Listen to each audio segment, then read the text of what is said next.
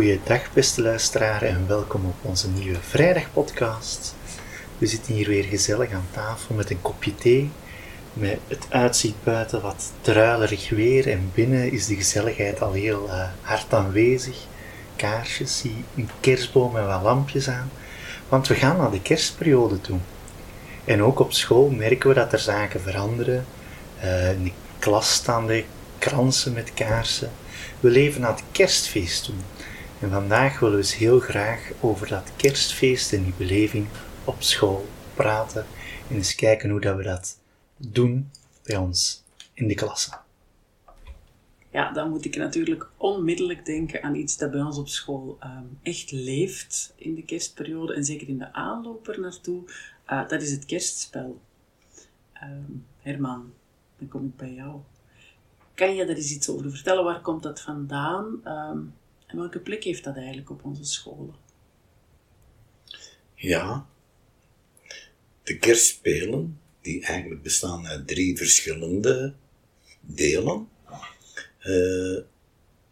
zijn door, uh, door Rudolf Steiner zelf uh, in de scholen gebracht. Daarvoor, voordat de eerste school in 1919 gestart was, werden die spelen ook al opgevoerd, maar dan binnen de antroposofische vereniging in Dornach. Uh, en hij heeft die drie spelen uh, ontvangen van zijn leerkracht Nederlands. Schreur genoemd. En die man die, die woonde in Pressburg uh, aan de noordelijke kant van Hongarije, niet ver van Wenen. Ik heb nog eens op de kaart bekeken. Je hebt Wenen, je hebt Bratislava en, en Presburg.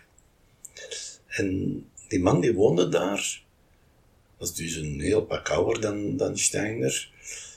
En die was heel, erg geboeid door cultuur en cultuurgeschiedenis. En hij had gehoord dat niet ver van hem vandaan een dorpje was waar dat elk jaar dat kerstspel werd op, een kerstspel werd opgevoerd. En, maar hij was een druk man, was professor in Wenen, waar Steiner dan ook les van kreeg. En uh, op een bepaald moment zegt hij, en nu ga ik naar dat dorpje. En dat was uh, lang zoeken bij een, uh, een man van dat dorp, die eh, als enige de tekst had van dat kerstspel. En die wilde dat niet onmiddellijk geven en hij zegt, kom kijken. En dus in, in een bepaald jaar, in de 19e eeuw, uh, ging uh, Schreur naar dat kerstspel. En dat bestond dus uit drie delen. Het eerste deel was een paradijsspel. Het tweede deel was een kerstspel en het derde een driekoningenspel. En hij was daar zo door gegrepen, die werden ook onmiddellijk na elkaar gespeeld, met een korte tussenpauze, maar dus op eenzelfde dag. En dan ging dat gezelschap naar een volgende dorp, en daar werd het ook opgevoerd. Maar met enorme uh, ernst. En elk jaar opnieuw, als de, de boeren hun oogst hadden binnengehaald, zo eind september, begin oktober, uh, begonnen de boeren die man ook aan te spreken, te zeggen, gaan we dit jaar terug kerstspelen hebben? Aan zegt de man, dat hangt er maar vanaf of ik waardige spelers vind want niet iedereen is daartoe geroepen. En het bijzondere was dat dat eigenlijk werd opgevoerd door enkel maar heel jonge kerels. Geen meisjes, alleen maar jongens. Zo, ik, ik, schat zo tussen de 15 en de 20 jaar, misschien nog iets ouder soms. En uh, hij moest dan elk jaar op zoek gaan, zijn er van die leeftijd jongens die het waard zijn om een rol te krijgen binnen die spelen. En zij speelden de drie achter elkaar. En uh, dan, uh, omdat hij dus professor was, uh, ging hij op zoek waar komen die vandaan, die spelen. En wat bleek nu? Dat die vandaan kwamen uit Duitsland. en dat in de 16e eeuw, 1500 en zoveel, in, in, in die tijd, waren er nogal wat Duitsers die emigreerden. En er, zo was er een hele gemeenschap van Duits sprekende mensen die uh, uitweken naar dat dorpje nabij Presburg, Oberufer genoemd. En Oberufer heeft het bijzondere dat, die, dat het eigenlijk een soort eiland is. Uh, niet echt een eilandje midden in het water, maar helemaal omzoomd door de Donau en een zijarm van de Donau, die uh, op een bepaald moment scheiden, maar ook terug bij elkaar komen, waardoor dat er zo een enclave ontstond. En daar ligt dat dorpje Oberufer, een stukje dus van de buitenwereld afgesneden.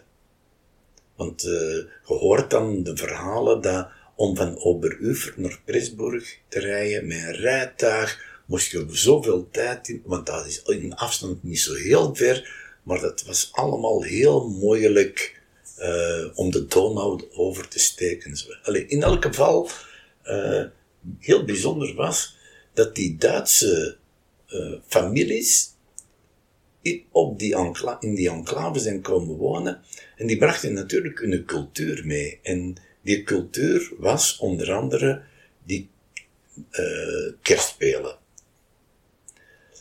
En terwijl in de loop van de eeuwen in Duitsland die kerstspelen uitdoofden en geleidelijk aan ook niet meer werden opgevoerd, werden, werden die in, in Oberufer door die afstammelingen van die Duitse kolonisten, werd dat wel behouden.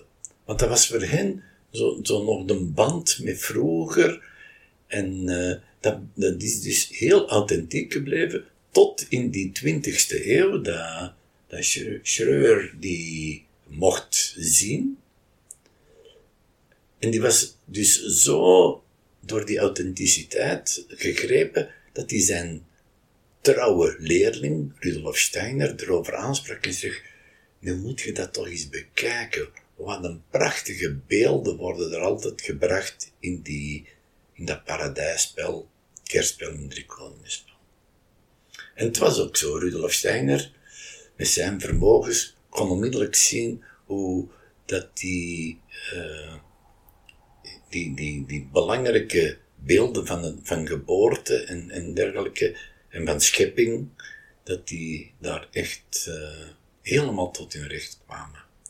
En dan heeft Rudolf Steiner zelf nog een paar ontbrekende dingen terug aangevuld. Nog een inleiding met een sterrenzanger en zo, om het ook een beetje luchtig te maken, heeft hij er nog aan toegevoegd. Maar voor de rest uh, is de tekst nog altijd van 500 jaar geleden. Ja, want Schreur is de eerste die de tekst heeft opgeschreven. Hij heeft eigenlijk gezorgd dat het manuscript bij Rudolf Steiner is geraakt. Ja, ja, ja. Hij heeft dan, omdat hij het vertrouwen had gewonnen van de meester van het dorp, uh, heeft hij dat mogen overschrijven. Want trouwens, ook alle spelers, om het te oefenen, moesten eigenhandig heel het spel overschrijven. Dus ook als, als meester was hij streng. En ja, zo, zo moeten we eigenlijk de afkomst zien. En natuurlijk, eh, als je in Duitsland gaat, Zwitserland, Oostenrijk, waar dat Duits wordt gesproken, daar wordt nog altijd die authentieke taal gebruikt van toen. Maar dat konden we natuurlijk niet doen in, in Nederland en in België. In, in Nederland, er zou niemand een jota van verstaan. En dus heeft een, op vraag van, van Steiner, heeft een, uh, heeft een dame die tekst die oud-Duitse tekst uh, omgezet in oud-Nederlands. Een heel kunstmatige taal. Dus het is niet, uh, als je dat zou gaan vergelijken met werkelijk het oud-Nederlands, dat zou niet, niet overeenstemmen. Maar zij heeft dat zo vertaald, dat uh, dat, dat iets oproept aan uh, een ver verleden, en met woorden die, die we in deze tijd toch nog kunnen begrijpen, maar toch ook weer het gevoel geven, ja, dit is iets van ver weg. Er zijn mensen die zich aan die taal wil storen. Ja. ja? Uh, er zijn mensen die ook al uh, in het verleden getracht hebben om dat in gewoon Nederlands om te zetten. Ik herinner me toen ik nog in Antwerpen les gaf, in uh, Hibernia, dat we het in, in plat Antwerps hebben opgevoerd. En toch komen we er altijd op terug. Omdat de, de, de gevoeligheid, de sfeer, ja, er ook een stuk mee verloren gaat. Dus ja, die, die vrouw eh, heeft dat toch wel mooi gedaan. En, en die mensen die voor de eerste keer komen luisteren, zullen in het begin wel, wel even moeite moeten doen om uh, te kunnen volgen. Dus dat is een beetje de afkomst. En uh, we moeten al onmiddellijk erbij zeggen, het zijn geen toneelstukken. Een toneelstuk, uh, ja, daar zijn de spelers heel belangrijk. Hier gaat het om heel nederige deelnemers, we kunnen het ook wel spelers noemen, maar die vooral die oorbeelden trachten te plaatsen. Oorbeelden uh, zoals een, een, hoe dat Maria en Jozef, hoe dat zij uh, vol tederheid naar dat kindje kijken, hoe dat de herders een en al een, eenvoud zijn, maar ook een onwaarschijnlijk respect tonen voor de natuur en voor die geboorte enzovoort. De waarden die ook elk op hun manier tonen uh, hoe dat zij staan tegenover dat onverwachte. Dat zijn echte beelden. En ja, er zijn mensen, ik denk chef, ik weet niet hoeveel keren dat jij het al gezien hebt, maar een pak week dat jij uh, dat ondertussen al bijna 30 jaar bekijkt, dan uh, uiterlijk schijnt dat 30 keren hetzelfde te zijn geweest. En toch is het altijd anders. Omdat je gepakt wordt door die sfeer die daar neergezet wordt door de groep spelers, die elk jaar weer anders is. Ja. Ja, en het. Um, toen ik pas op onze school kwam, zag ik het ook voor de eerste keer, maar toen werd het gespeeld door leraren. En ik was ook echt verwonderd door wat ik zag. Uh, maar sinds twee jaar hebben we dan de traditie op de school dat onze leerlingen het spelen. Uh, en dat geeft dat voor mij echt, dat maakt het voor mij nog veel rijker. En als ik dan met die leerlingen ook zo die context kan geven van, van waar komen die spelen, um, hoe werd er omgegaan met de spelers, hè? want de meester uh, was de enige, hè? dat ging over, meester zijn van het toneel in die tijd ging echt over van vader op zoon. En die, die spelers, die mochten dan, uh, staat ook streng beschreven, hè, mochten niet drinken, mochten niet naar de meisjes. Er staat ook niet wassen niet mochten naar de meisjes, er staat gewoon mochten niet naar de meisjes, dus daar heb je dan het raden naar. Uh, ze moesten gehoorzaam zijn aan de meester. Dus er waren gewoon ook zo, je mocht daar niet zomaar aan meedoen. En ik denk dat de traditie ook, hè, want in dat dorp werd dat gespeeld, ook vanaf dat is waar chef piep klein waren, werden die kinderen meegenomen naar die voorstelling. Die leefden daar naartoe. Het feit dat je werd gevraagd om die voorstelling te mogen meespelen. Um, en dat merk je nu ook echt op de school. Dat zij daar naartoe leven en dat de elfde, als het gespeeld wordt, zijn de elfde klassers en de tiende klassers zelfs al bezig daarna. Welke rol zou ik misschien mogen meespelen in dat kerstspel?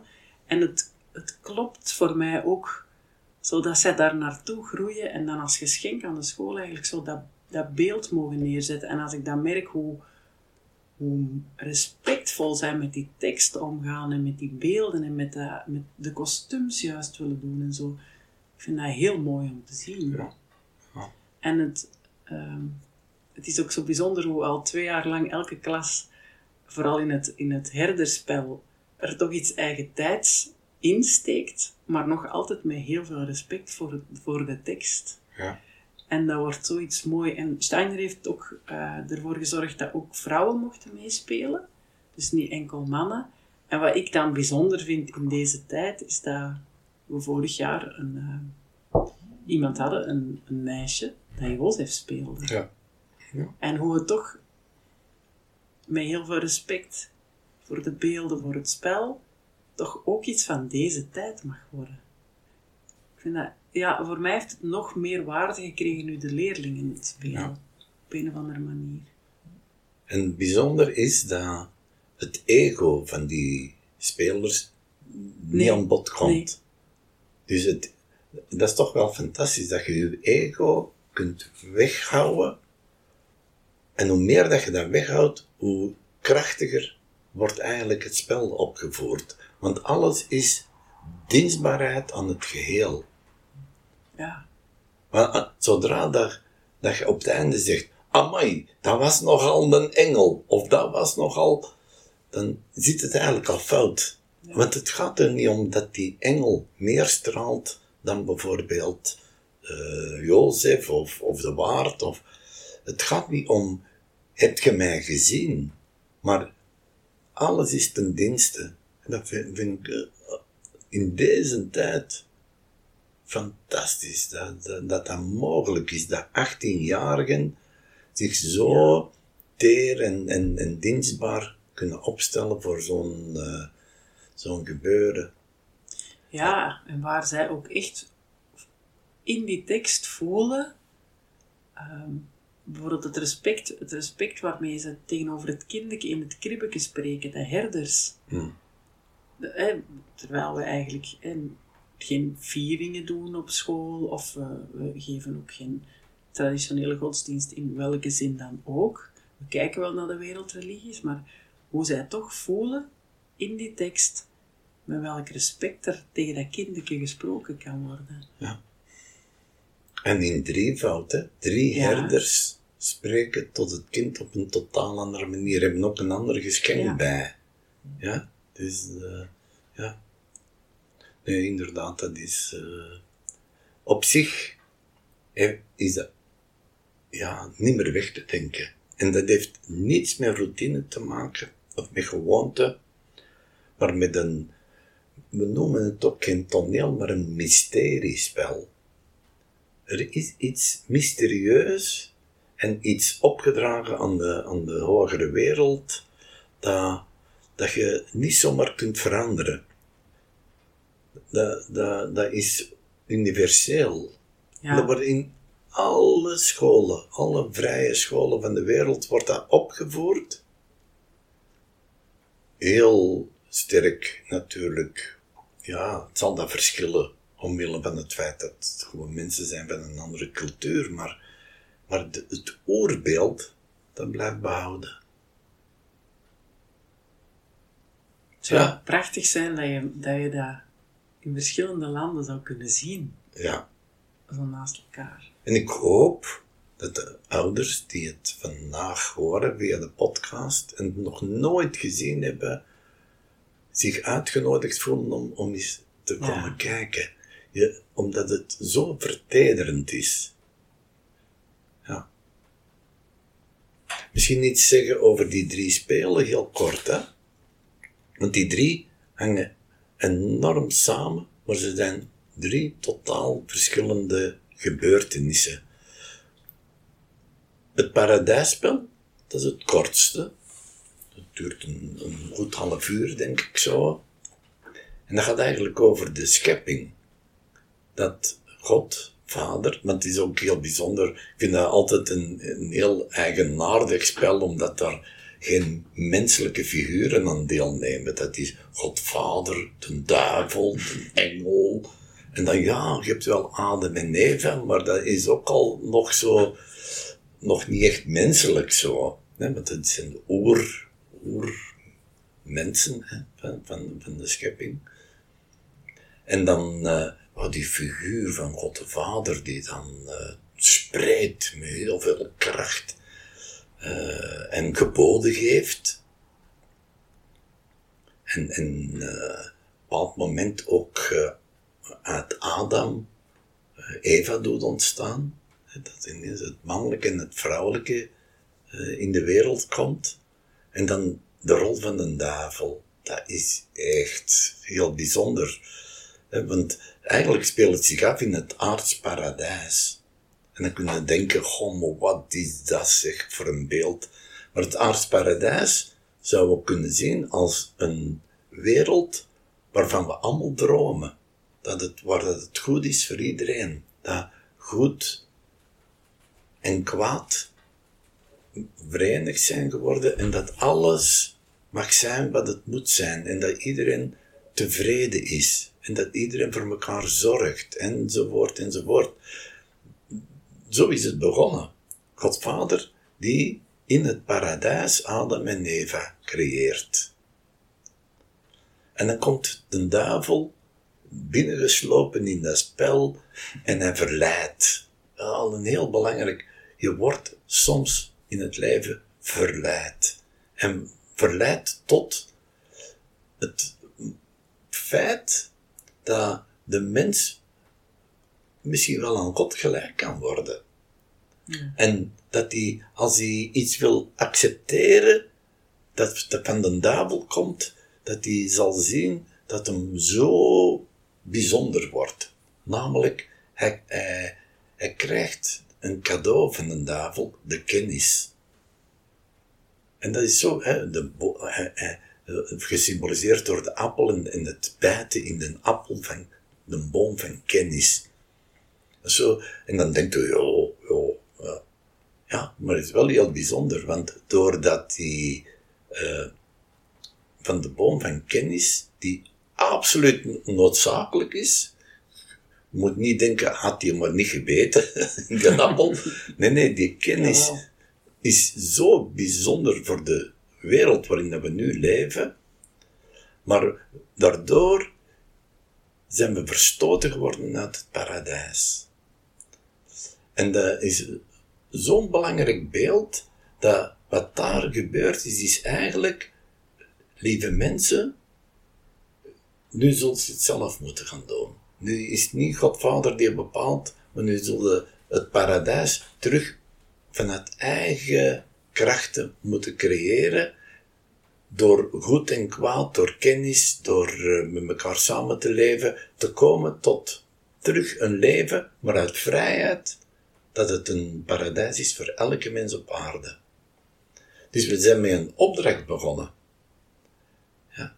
En dan zegt God Vader ook op een bepaald moment van, uh, ja, hij wijst met uh, hen uit het paradijs, maar hij zegt ook, uh, maar op het moment dat je zover bent, dat je het begrepen hebt en dat je voor elkaar zorgt, dan zal ik u terug welkom heten. Dan ben je aan God gelijk geworden. En ja, ik, daarom, ik denk, ik weet niet van welke leeftijd dat ze het paradijsspel mogen zien. Ik denk niet derde, ja, zo derde, vierde klas. Ja. Sorry als we iets fout zeggen, want we zijn niet, niet geen lagere schoolleraren. Maar het is zo rond die leeftijd dat ze klaar zijn om, om die beelden te vatten. Heel bijzonder spel. We moeten er echt over nadenken hoe dat wij toch vroeg of laat ook dat spel kunnen aanbieden aan onze leerlingen. In de middelbare school. In de middelbare school, ja. In de, het tweede spel, daar hebben we het al over gehad, dat gaat over het geboortespel. Het, een kind wordt geboren in een heel eenvoudige, een heel eenvoudig uh, situatie, namelijk in de natuur, onder de sterrenhemel, uh, tussen eenvoudige lieden, de herders met hun schapen die onder de sterrenhemel. Dus alles is van eenvoud doordrongen. En dat kind wordt geboren in een stal. Dus zonder rijkelijke afkomst, zonder, uh, ja, alleen voelen die, die herders dat, dat ze het belangrijkste moment meemaken dat ze ooit kunnen meemaken. Nog in, in hun gevoel, en dat is een soort heldervoelendheid, zullen we maar noemen, ze voelen dat dit kind, ja, zo belangrijk gaat worden voor de wereld. Ja. En uh, heel die sfeer is een sfeer van, van schoonheid en liefde. Enkel even zie je zo'n momenten uh, dat de waarden, hè, ze, Jozef en Maria kloppen aan op, op een aantal plekken waar dat je zou kunnen overnachten en die waarden zeggen, oh sorry, dat gaat niet, ik heb geen plaats voor jullie, je zult moeten verder zoeken.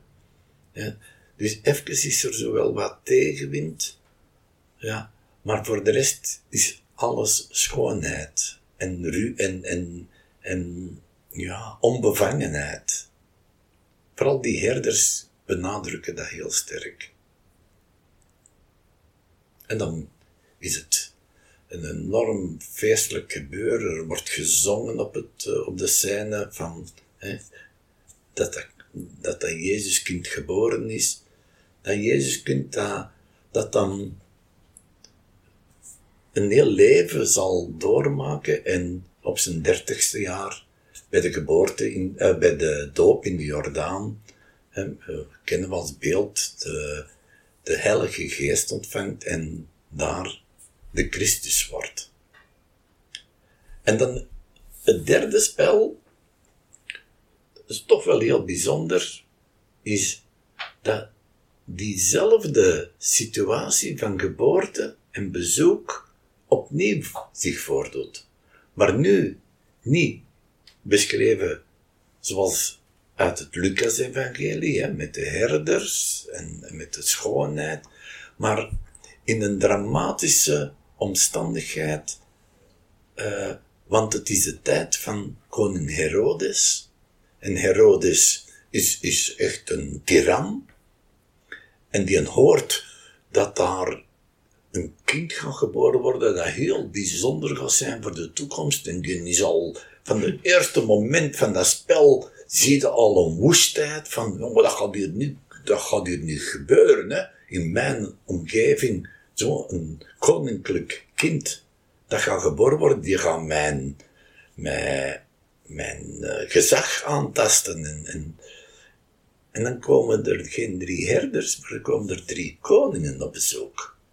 En die koningen symboliseren statigheid, macht, wijsheid. Het zijn eigenlijk priesterkoningen. En die, die, die wijsheid, die, en, en die, het zijn ook astronomen, want ze zien aan de sterren waar ze dat kind gaan vinden. Het is ook niet in de natuur, in een stal, maar in een huis. Uh, er zijn heel veel uh, tegenstellingen. En, maar ook daar wordt dat kind geboren. En dan is er gelukkig de tussenkomst van de, de engel.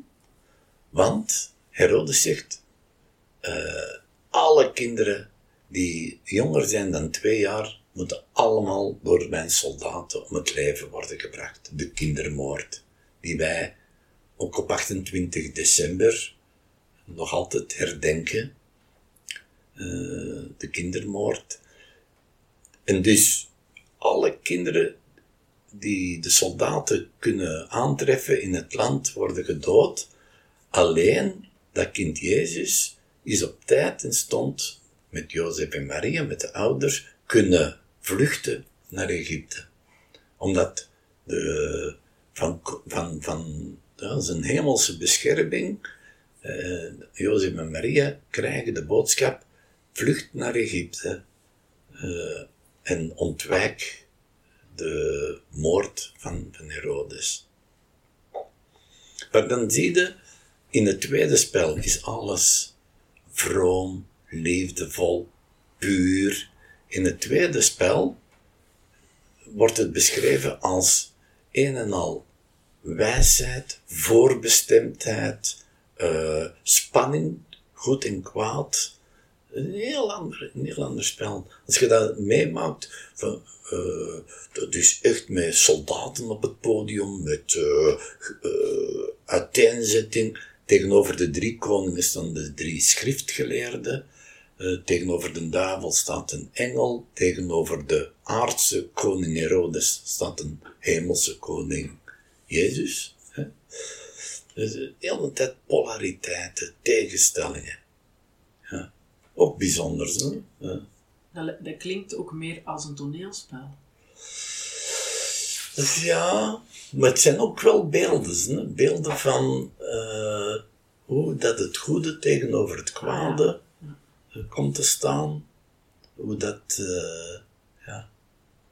En, dat. en die drie koningen zijn ook heel mooi, van drie verschillende culturen. Ja? Balthazar, uh, Melchior en Caspar. Drie totaal verschillende delen uit de wereld komen die toch samen naar datzelfde punt vanuit een andere motivatie, vanuit een, andere ster die hen leidt. Ik vind het ook uh, een prachtig spel.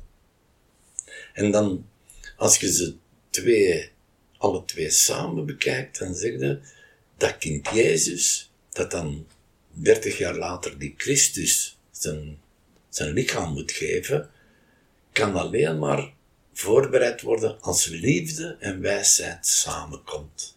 Dus het kind van liefde, het kind van wijsheid, is nodig opdat uh, die mens, dat is maar een uniek moment in de geschiedenis, dat een, een mens ja, die, die Christuskrachten in zich mag uh, ontvangen gedurende, dat weten we dan uit de Bijbelse verhalen, gedurende drie jaar, hè, uh, tot, het, tot hij 33 is. Maar ik vind, uh, dat heeft niks met kerk te maken. Hè. We, vele mensen zullen denken, goh, de Bijbel, Christus, uh, goh, ik heb het allemaal wel gehad. Uh, ook ik ben, ben katholiek opgevoed, heb, heb ook alle handelingen gedaan die je moet doen als, als katholiek kind. Maar ik denk dat je daar afscheid moet van, nee, en afstand moet van nemen. Maar de, de oergedachten en de beschrijvingen, die moet je er niet mee weggooien. Die, die, die hebben een betekenis. Maar dat zit ook wel echt in, uh, nu dat je dat overzicht nog eens eenmaal brengt, Herman, worden ook wel die beelden, uh, ja, die zijn inderdaad ook wel gewoon universeel. En die worden hier nu voorgesteld onder de personages van Maria en Jozef, maar die kunnen ook universeler bekeken worden. Ja. En dat zorgt er dan ook voor dat mensen vanuit een andere cultuur of, of een andere geloofsovertuiging daar eigenlijk ook perfect naar kunnen aanschouwen en die beelden kunnen opnemen zonder zoiets te hebben van ja, maar ik ben naar iets tegen mijn geloof aan het kijken. Ja, ja, ja. ja want het, het, is eigenlijk een, een en je hoeft dan nergens aan vast te koppelen. Het zijn gewoon beelden die gebracht worden. Maar omdat er wordt gesproken over die hè, Maria en Jozef, en krijg je natuurlijk onmiddellijk geassocieerd met de katholieke kerk ja, natuurlijk. Ja, ja. ja. en dat krijgt natuurlijk op dit moment een heel actueel uh, klank, hè, want net op die plekken, Bethlehem, Nazareth, Jeruzalem, waar dat heel dit gegeven zich afspeelt, staan nu helemaal onder druk en in oorlog. Hè. Het zijn drie godsdiensten die Jeruzalem claimen. Ja. Dan denk je, ja, waarom? Hè? Waarom moet dat geclaimd worden door een, door een religie? Natuurlijk, ook dat zal allemaal zijn zin hebben. Hè? Dus uh, we moeten misschien eens wel door een serieus dieptepunt om om de vereniging en het, uh, de samenklank terug te vinden. Maar ik vind het wel bijzonder. Ja, soms hoor je van in alle gejoel van, van, van tanks die, die er rondrijden, kom je dan in de, in de buurt van die, die plaatsen waar dat die Jezus daar, daar geboren is en, en daar beloftevol een begin heeft gemaakt van een nieuwe ontwikkeling van de mensheid, hè, namelijk vanuit eigen kracht en vanuit inspiratie komen tot een, een schone wereld. Ja, dan denk ik, na 2000 jaar valt er nog uh, heel wat te ondernemen. Ja. Maar het is toch wel heel zinvol, denk ik, dat onze jongeren in deze tijd met die beelden toch nog uh, allee, beladen worden.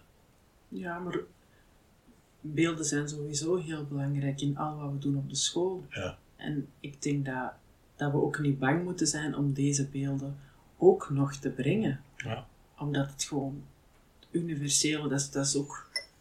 Eigenlijk zit dat in ons, in ons collectief onderbewustzijn ook, al die waarden, al die, man, al die, ideeën, dat omgaan met goed en kwaad, hoe doe je dat? omgaan met verleidingen, omgaan met, het zijn ook oeroude thema's, hè. migratie is, is oud, maar is ook zo recent een vraagstuk. Dat zijn allemaal dingen die ook hierin vervat zitten. Ik denk dat we daar ook niet bang voor mogen zijn. Er zijn zoveel andere verhalen die we ook brengen.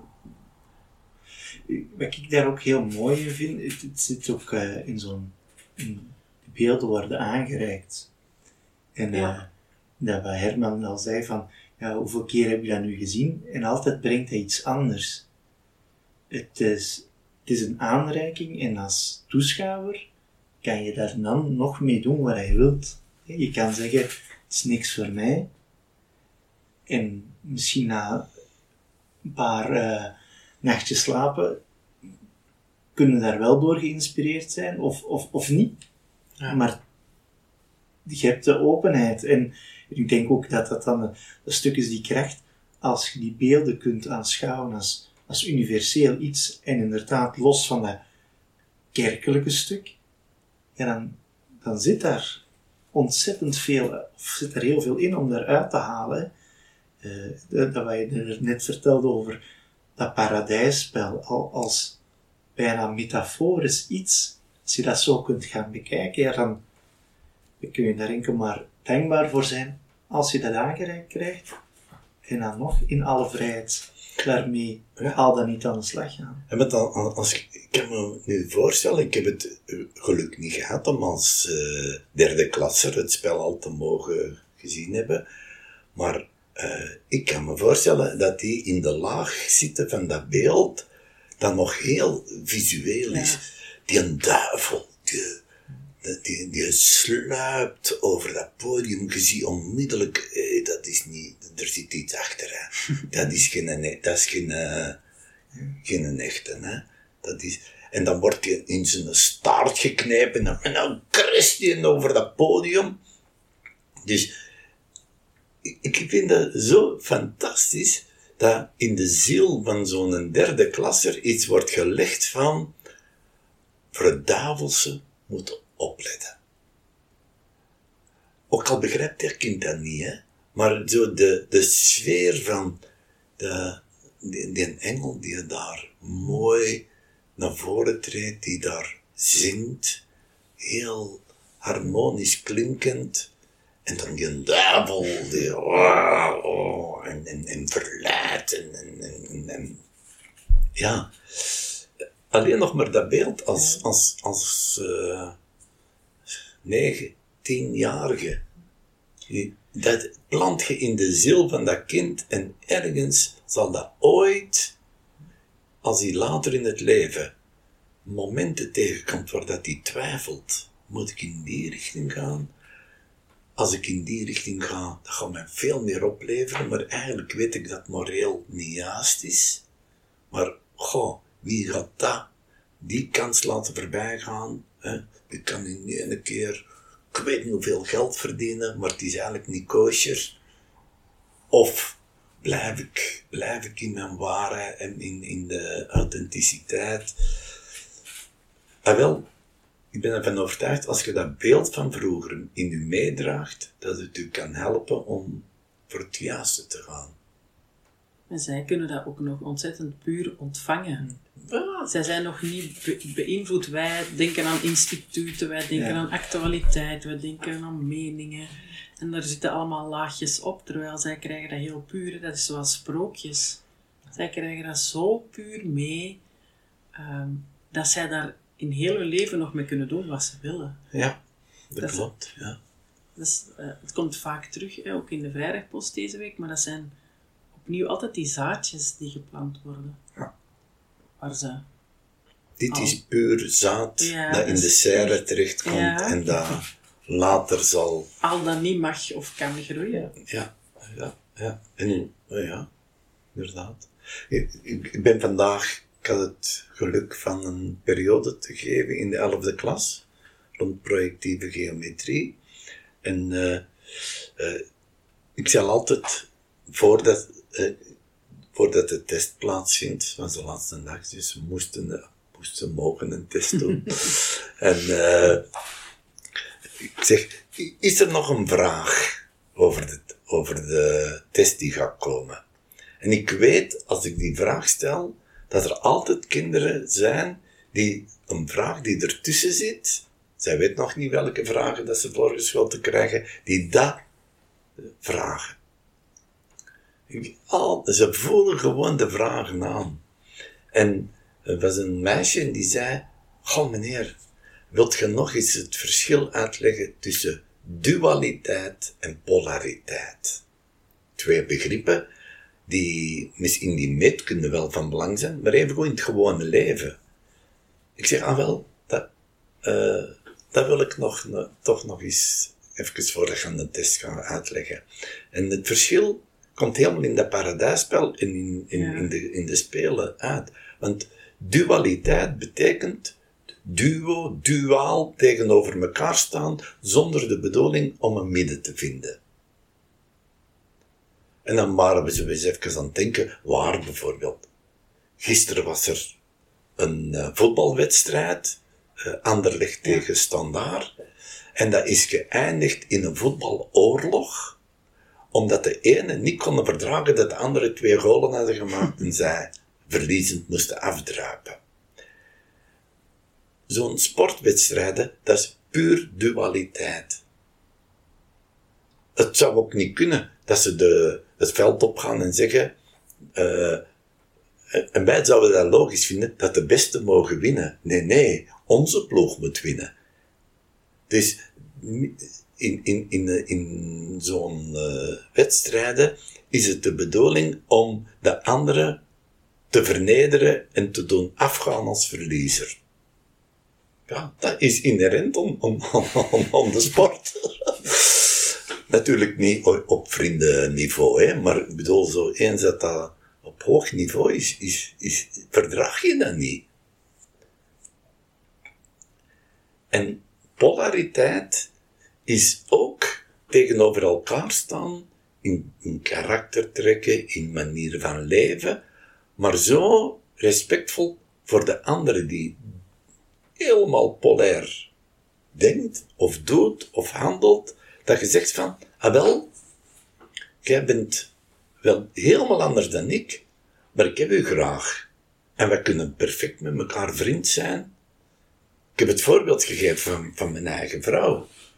Uh, ik zeg, mannen, ik ben ondertussen 50 jaar samen met mijn vrouw. Die verschoot. ik zeg, en op vele vlakken zijn we mekaars polariteit, tegendeel. Maar dat is zo boeiend en zo aanvullend, dat je heel de tijd je eigen waarheid, je eigen gelijk, je eigen temperament aangevuld ziet door iemand die net het tegenovergestelde vertegenwoordigt. En dat maakt het net zo interessant. Daardoor zijn wij 50 jaar samen. Niet om, om ruzie te maken en conflicten en om te zeggen dat de andere ongelijk heeft en de verliezer is en jij de winnaar. Maar dat je weet, ik zit in mijn eenzijdigheid En jij zit in uw eenzijdigheid, maar ik heb een stukje te bieden en jij hebt een stukje te bieden. En daar vinden we elkaar, we vullen elkaar heel de tijd aan. Ja, polariteiten kunnen ook niet zonder elkaar. Hè. Kunnen, Links ja. en rechts maken gewoon, een, maken gewoon richting. Mhm. Dus dat is, ja. ja. Maar we waren bezig over die zaadjes. Hè. Zo Maar, maar ook, eh, eh, eh, daar zie je ook, de duivel is even belangrijk als de ja, engel. Ja, Want Ja. het is de duivel Ja. die u doet nadenken en die u verleidt. En, want als in het paradijs is er geen duivel die u doet nadenken. Je leeft en ja, daar houdt het op. Hè. Je, je, hebt- je hebt geen uitdagingen. Nu dat je dat zo zegt, ik krijg terug een beeld van een klas 7. Jan van Tilburg, een leerkracht, die was daar ook, ook zo over aan het vertellen, over een stuk van verleiding. En die stelde zo heel hard, stel dat dat niet gebeurd zou zijn. Hoe saai moet het geweest zijn? Dat je de hele tijd, oh, verwonderd moet zijn. Stuk na stuk, zonder dat er ergens een uitdaging is, of iets waar dat je tegenin moet gaan, of je verzetten. Maar ja, dat moment na moment, wow, dat is toch knap. Oh, dat is toch knap. en dat is me nog steeds bijgebleven. Ah, maar ja, dat, Ja. dat raakt u. Ja, ja. ja, er is geen enkel toneelstuk of geen enkel verhaal waar geen conflict is. Ja, ja. Want altijd moet er iets opgelost worden, of moet er een, een onderzoek gedaan worden, want anders zouden dat echt heel saaie verhalen worden. Dan stopt er na de eerste 50 pagina's, want dan komt er niks nieuw. Het inleven in de andere. hè. Het, het kunnen begrijpen dat andere mensen andere waarden hebben, een andere gevoeligheid, en dat daar geen hiërarchie tussen is. Ja, en ook zo mooi, die drie herders in dat herderspel, dat elk kind zich ook kan invoelen met één van die drie herders. Ja. Of met één van die drie waarden. Hoe zou ik reageren? Ja. Zo interessant ook om te zien. Ja. En dat zij ook allemaal een herder kiezen die ze graag zouden willen zijn. Zo interessant. Maar hoe, hoe we hebben het kerstspel, hoe, in, op onze school, wat doen we nog om, om de kerst ehm, Ja, ik denk dat we nu in aanloop toch bezig zijn om de advent een Ja. plaats te geven. Ja. Ja, hoe doen we dat in de school? Ja, eigenlijk is dat ook een stukje. ehm, je, je hebt zo de grote adventsboog en de kleine adventsboog. Hè. Ik denk, eh, ehm, een, een stuk vind ik daar heel mooi in. eh, eigenlijk leeft de wereld ons een stuk voor in, in het weer. Hè. Eh. Je komt van die zomer, eh dat Michaelsfeest, waarin je eigenlijk nog het eerste al begint te doen eh, van buiten naar binnen te halen. Vroeger was het Michaelsfeest zo'n oogstfeest, waarin je ook zou kunnen zeggen, we halen de zon binnen. Hè. Denk maar aan, aan die mooie gevormde pompoenen, die je dan eigenlijk begint binnen te halen. Eigenlijk allemaal zonnekracht vervat in vruchtvorm. Hè. En dat is ook de moment dat, dat, je, dat de, het weer en begint om te draaien, maar ook ja, het begint vroeger donkerder te worden en eh, je, je, moet, je wordt eigenlijk verplicht als mens om een stukje dichter bij jezelf te komen. Hè? En dan heb je daar al een eerste impuls, denk ik, in. Dat ook dat Sint Maartensfeest. Dat, dat een stukje licht begint te brengen. Even een opheldering in die donkerte. En zo zijn er wel een aantal ehm, jaarfeesten die elkaar opvolgen. Hè? Maar eh, concreet is dat ook eh, de, de toeleven naar het kerst, eh, kerstfeest, hè, met eh, adventskrans, eh, waarin dat er wekelijks eigenlijk een extra kaars bij komt. Hè. We beginnen eigenlijk in de week van de mineralen, eh, na het week, na, de volgende week naar de plantenwereld. Hè. En zo bouwen we op tot, totdat we aan dat stuk van de mens zijn. En eh, in de klasse 7 en 8 eh, wordt dat eigenlijk aan de kinderen ehm, wordt dat heel kort meegegeven, dat beeld, maar we gaat het vooral over ook weer een, eh, wordt er een bijzonder verhaal verteld. Dat opgedeeld is in vier delen, en waarin dat stuk ehm, een stuk dat verlangen, of toch een, die bijzondere gebeurtenis die er staat aangekomen, steeds stap voor stap eigenlijk wordt voorgeleefd. Hè? Uh, of waarin dat het, ja, die, die kracht vanuit een bepaald persoon eenmaal aan bod komt te staan. Met de tegenslagen en zo. Mhm, mhm. Ja, waar dat uh, toch in de, in de kleuterschool en de lagere school ze de advent staan wandelen, waar ze met een lichtje echt letterlijk naar binnen gaan. Uh, en, en ik denk, hè, we wandelen die niet meer, maar waar wij met een verhaal wel echt naar binnen gaan. Waar we altijd uh, uh, een, persoon of een gebeurtenis waar er echt tot in de duisternis wordt gegaan, maar waar die persoon altijd zijn lichtje terugvindt en terug naar buiten komt. En dat is die hoop, hè? Ja, ja en het is ook, ehm, toch ook echt dat stuk even ehm, stuk naar binnen durven gaan. Ja. Eh, de winter ehm, verplicht u daar ook een stuk toe. De natuur laat alles even los voor ook te zeggen, en nu ga naar binnen. Kom bij jezelf, even terug. Uh, ademruimte, dicht bij jezelf durven zijn. Hè. En dan is eigenlijk, dat vind ik zo mooi, wat hier daar net nog over, als het koud is, dan kun je jezelf ook zo lekker samenpakken. En dan kom je ook echt heel dicht bij jezelf passen. Fysiek ook. Hè. Maar wat ik wel merk is dat, het, uh, dat er een enorme tegenkanting is, verleiding weer, om dan naar binnen gaan niet te doen door niet naar die oerbeelden nu te richten, maar naar de beelden die op u worden afgevuurd door de technologische toestelletjes, door de, de YouTube-filmpjes, de, de televisieprogramma's. De, dus het woord beeld kennen we ook vanuit onze beeldcultuur, de moderne beeldcultuur. En eigenlijk zijn dat verleidingen. Je gaat niet daar met dat beeld naar binnen, je wordt naar buiten getrokken. Je wordt, uh, je wordt eigenlijk niet verplicht om te kijken wie ben ik, waar moet ik naartoe, wat, wat uh, die bezinnende uh, ja, manier van kijken wordt, wordt vermeden. Je, je gaat er met een bocht rond want je kunt op elk moment je toestel opzetten en je wordt overspoeld en meegenomen en de tijd vliegt. En voordat je het weet, zit je een uur te kijken en je hebt geen enkele inspanning gedaan. Je hebt het alleen maar geconsumeerd en uh, ja, dus we zien dat de duivel ook in deze tijd goed zijn werk doet. En is dat nu uh, allemaal slecht. Nee. Maar het roept ons wel op om, om er heel bewust mee om te gaan. Met dat, dat duivelse beeld van de consumptie. En dat is op vele vlakken zo. Hè. Als, je, als je natuurlijk aan mensen vraagt wat is het mooiste feest van het jaar, zullen vaak wel sommigen zeggen kerstmis. Ergens voelt je wel van binnen, hier, worden, hier wordt getracht om je naar binnen te doen gaan.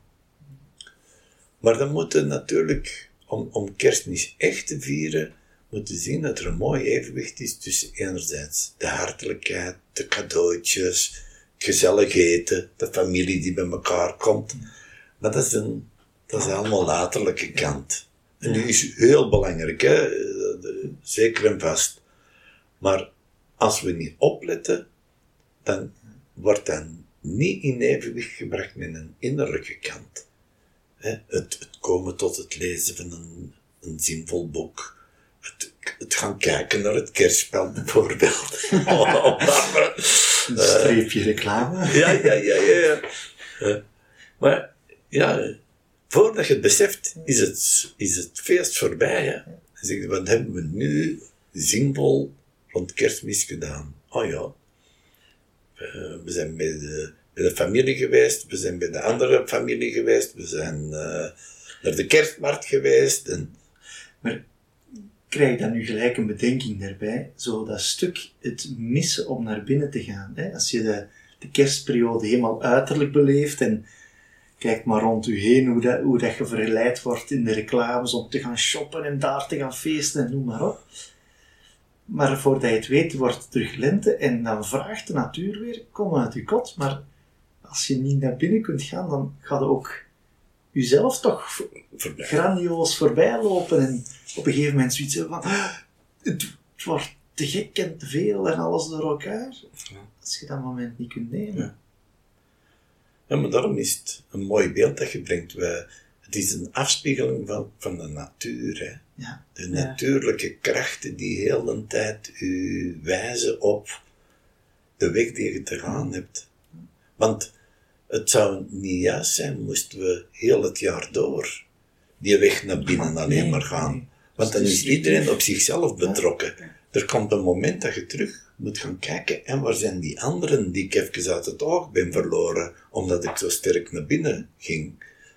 En dan eh worden opgeroepen, het weer trekt u ook naar buiten, de natuur vraagt, verzorg ons, enzovoort en zo. En dan komen we weer bij dat stuk dat we ooit al eens hebben genoemd. Dat is ook weer dat ademende, of dat ritmische, hè, wat eigenlijk constant die afwisseling zorgt. Ja. En voor een gezond, gezondmakend proces ook. En dan vind ik ook, eh, Herman, dat stuk waar hij zegt, hè, we hebben het hier al over beeld gehad als kwaliteit, maar ook als beeld als, als verleiding. Hè. Een heel actueel thema, denk ik, en, en nog voor de jongeren echt een heel grote uitdaging. Klas Ja, ja. 7 en 8 eh, zijn eh, Jacques Meuleman en Gilles komen spreken over dat thema, over die dualiteit, hoe dat verleiding en beproeving, hoe dat het ene u kan verzwakken en het andere u kan versterken, en hoe, hoe dat die beeldcultuur daar ook bij gelinkt is. Ja, ja, dat is zeker. En je kunt zeggen, eh, we verfooien die beeldcultuur van tegenwoordig, maar dat is evengoed zeggen van, eh, we draaien de duivel zijn nek om. Ja. En dat is niet de bedoeling. Nee, want dan wordt het een dualiteit. Nee. Dan wordt het echt, inderdaad. Ja, en het- ik denk ook dat het pas kan werken wanneer dat je ook daar de kwaliteiten in Ja. kunt zien. Want het brengt ook wat. Hè? Ja. Maar in een gezond, gezond stuk zou het moeten kunnen, Ja, ja. kunnen beleefd worden. Hè? Ja. En ik denk dat dat dan een heel mooi evenwicht is dat we daarin brengen. Van echt te zeggen in elke klas, het is een adventskrans. We steken het eerste kaarsje aan. In sommige klassen gaan dan ook echt de gordijnen toe. En er wordt een verhaal gelezen. ja, en dat stuk ehm, vertragen Ja, vind ik boeiend. Zo, Ja. eh, in klas 7 en 8 wordt er nu een kei, kei mooi verhaal Ja. verteld. Maar dat duurt lang. vertel misschien de titel, chef. Dan kunnen mensen het gaan opzoeken, want het is een prachtig... De Sterrenruiter? Ja. Ja. Ja. Prachtig verhaal. En, maar eh, als je dat dan bekijkt, je dat vraagt een, een hap van je les. Maar dat is toch belangrijk om die vertraging te durven toestaan. En dat stuk, ja, kom laten we dat even doen en laten we dat samen ondergaan. Want het is veel gemakkelijker om te zeggen, oh nee, het ga- het niet. En, we gaan vooruit lopen voor het andere stuk. Maar ja, dan, dan leefde ook niet voor om even dat stukje vertraging toe te staan. Toen wij ook, allee, eh, bijna dwingend denken aan wat deze week in de media is verschenen, het eh, zogenaamde PISA-onderzoek, Ja. waarbij eh, iedereen verontwaardigd zegt dat de kwaliteit van ons onderwijs maar achteruit gaat en dat we geen niveau niet meer hebben. Eh, misschien is het wel eens iets waar dat we een podcast kunnen rondmaken. Komt, gaan we de PISA-test doen? Ja. maar is dat een juiste conclusie? Dat het, Ja. eh, en wat zie je hier gebeuren?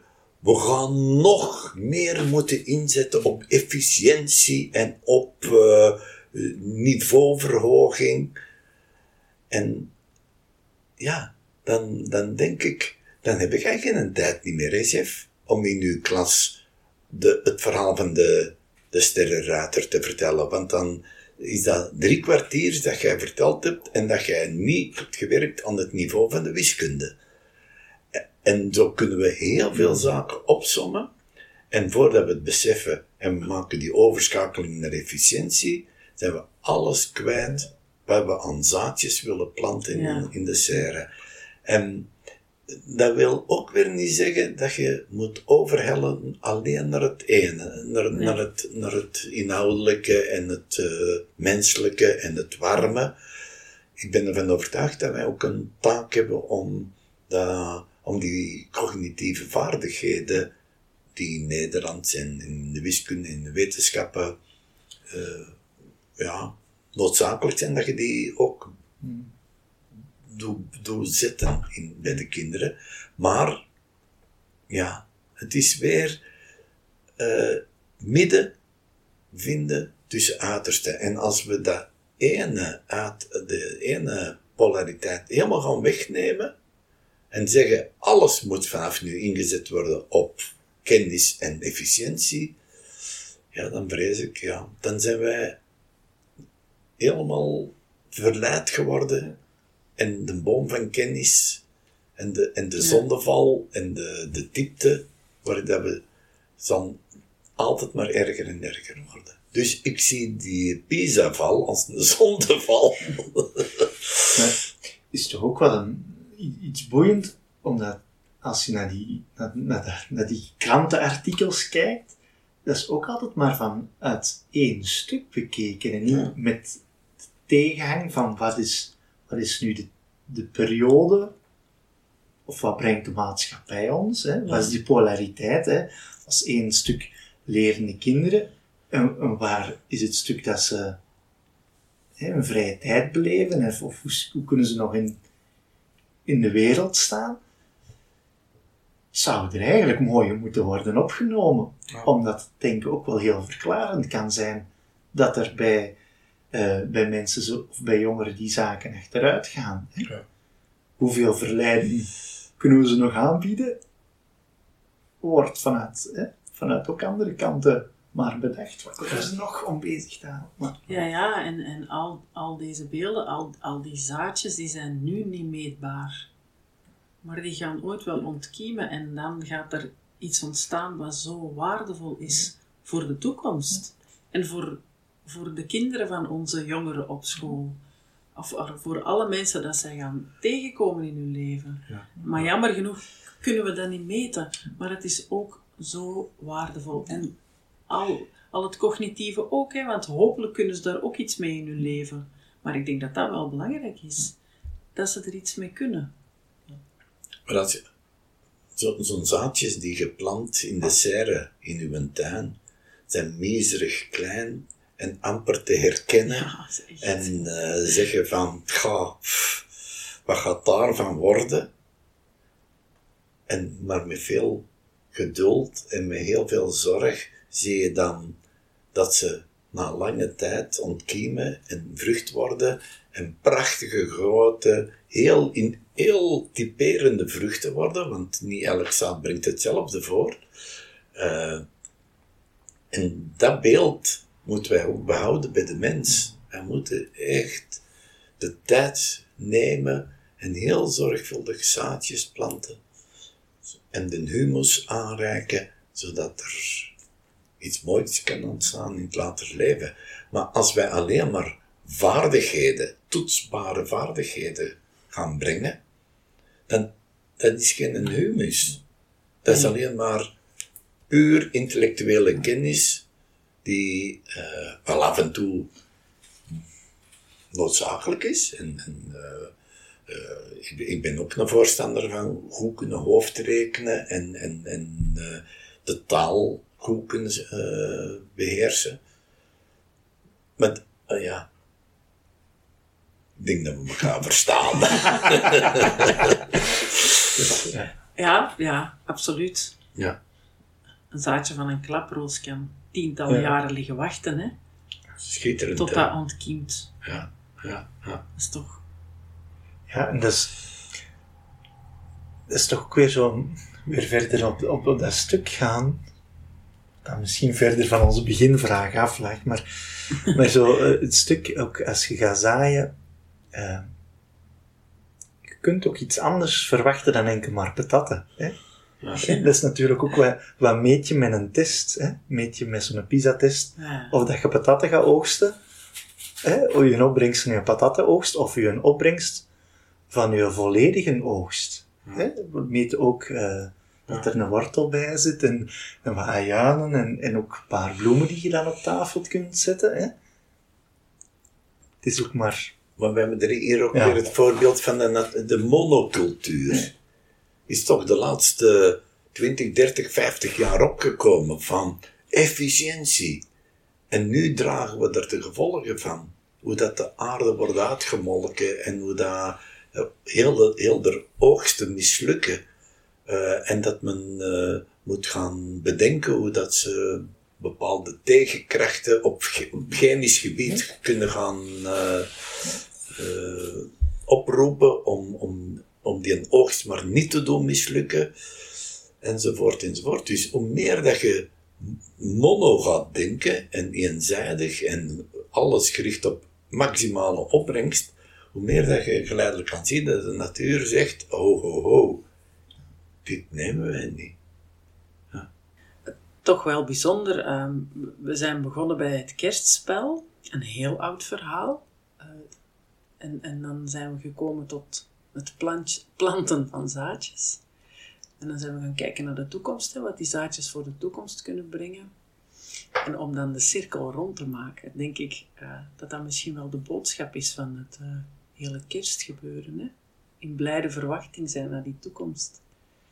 Ehm, gaan we afronden? Jeff, Herman, met de blik op de toekomst en met eh, in blijde verwachting zijnde. Misschien ook wel in blijde verwachting van een nieuw thema voor onze volgende podcast, beste luisteraar. Waar we heel graag ook jullie inbreng eh, horen. Dus jullie mogen die altijd naar ons sturen. Jeff, naar waar? Dat is naar het mailadres vrijdagpodcast.msvturnout.be En dan rest ons nog om jullie een heel mooie kerstperiode en eindejaarsperiode te wensen, waar er tijd is om naar binnen te keren, ehm, maar ook heel hoopvol uit te kijken naar wat er nog komt. Chef Herman, dankjewel. Beste luisteraar, dankjewel dat je er weer was.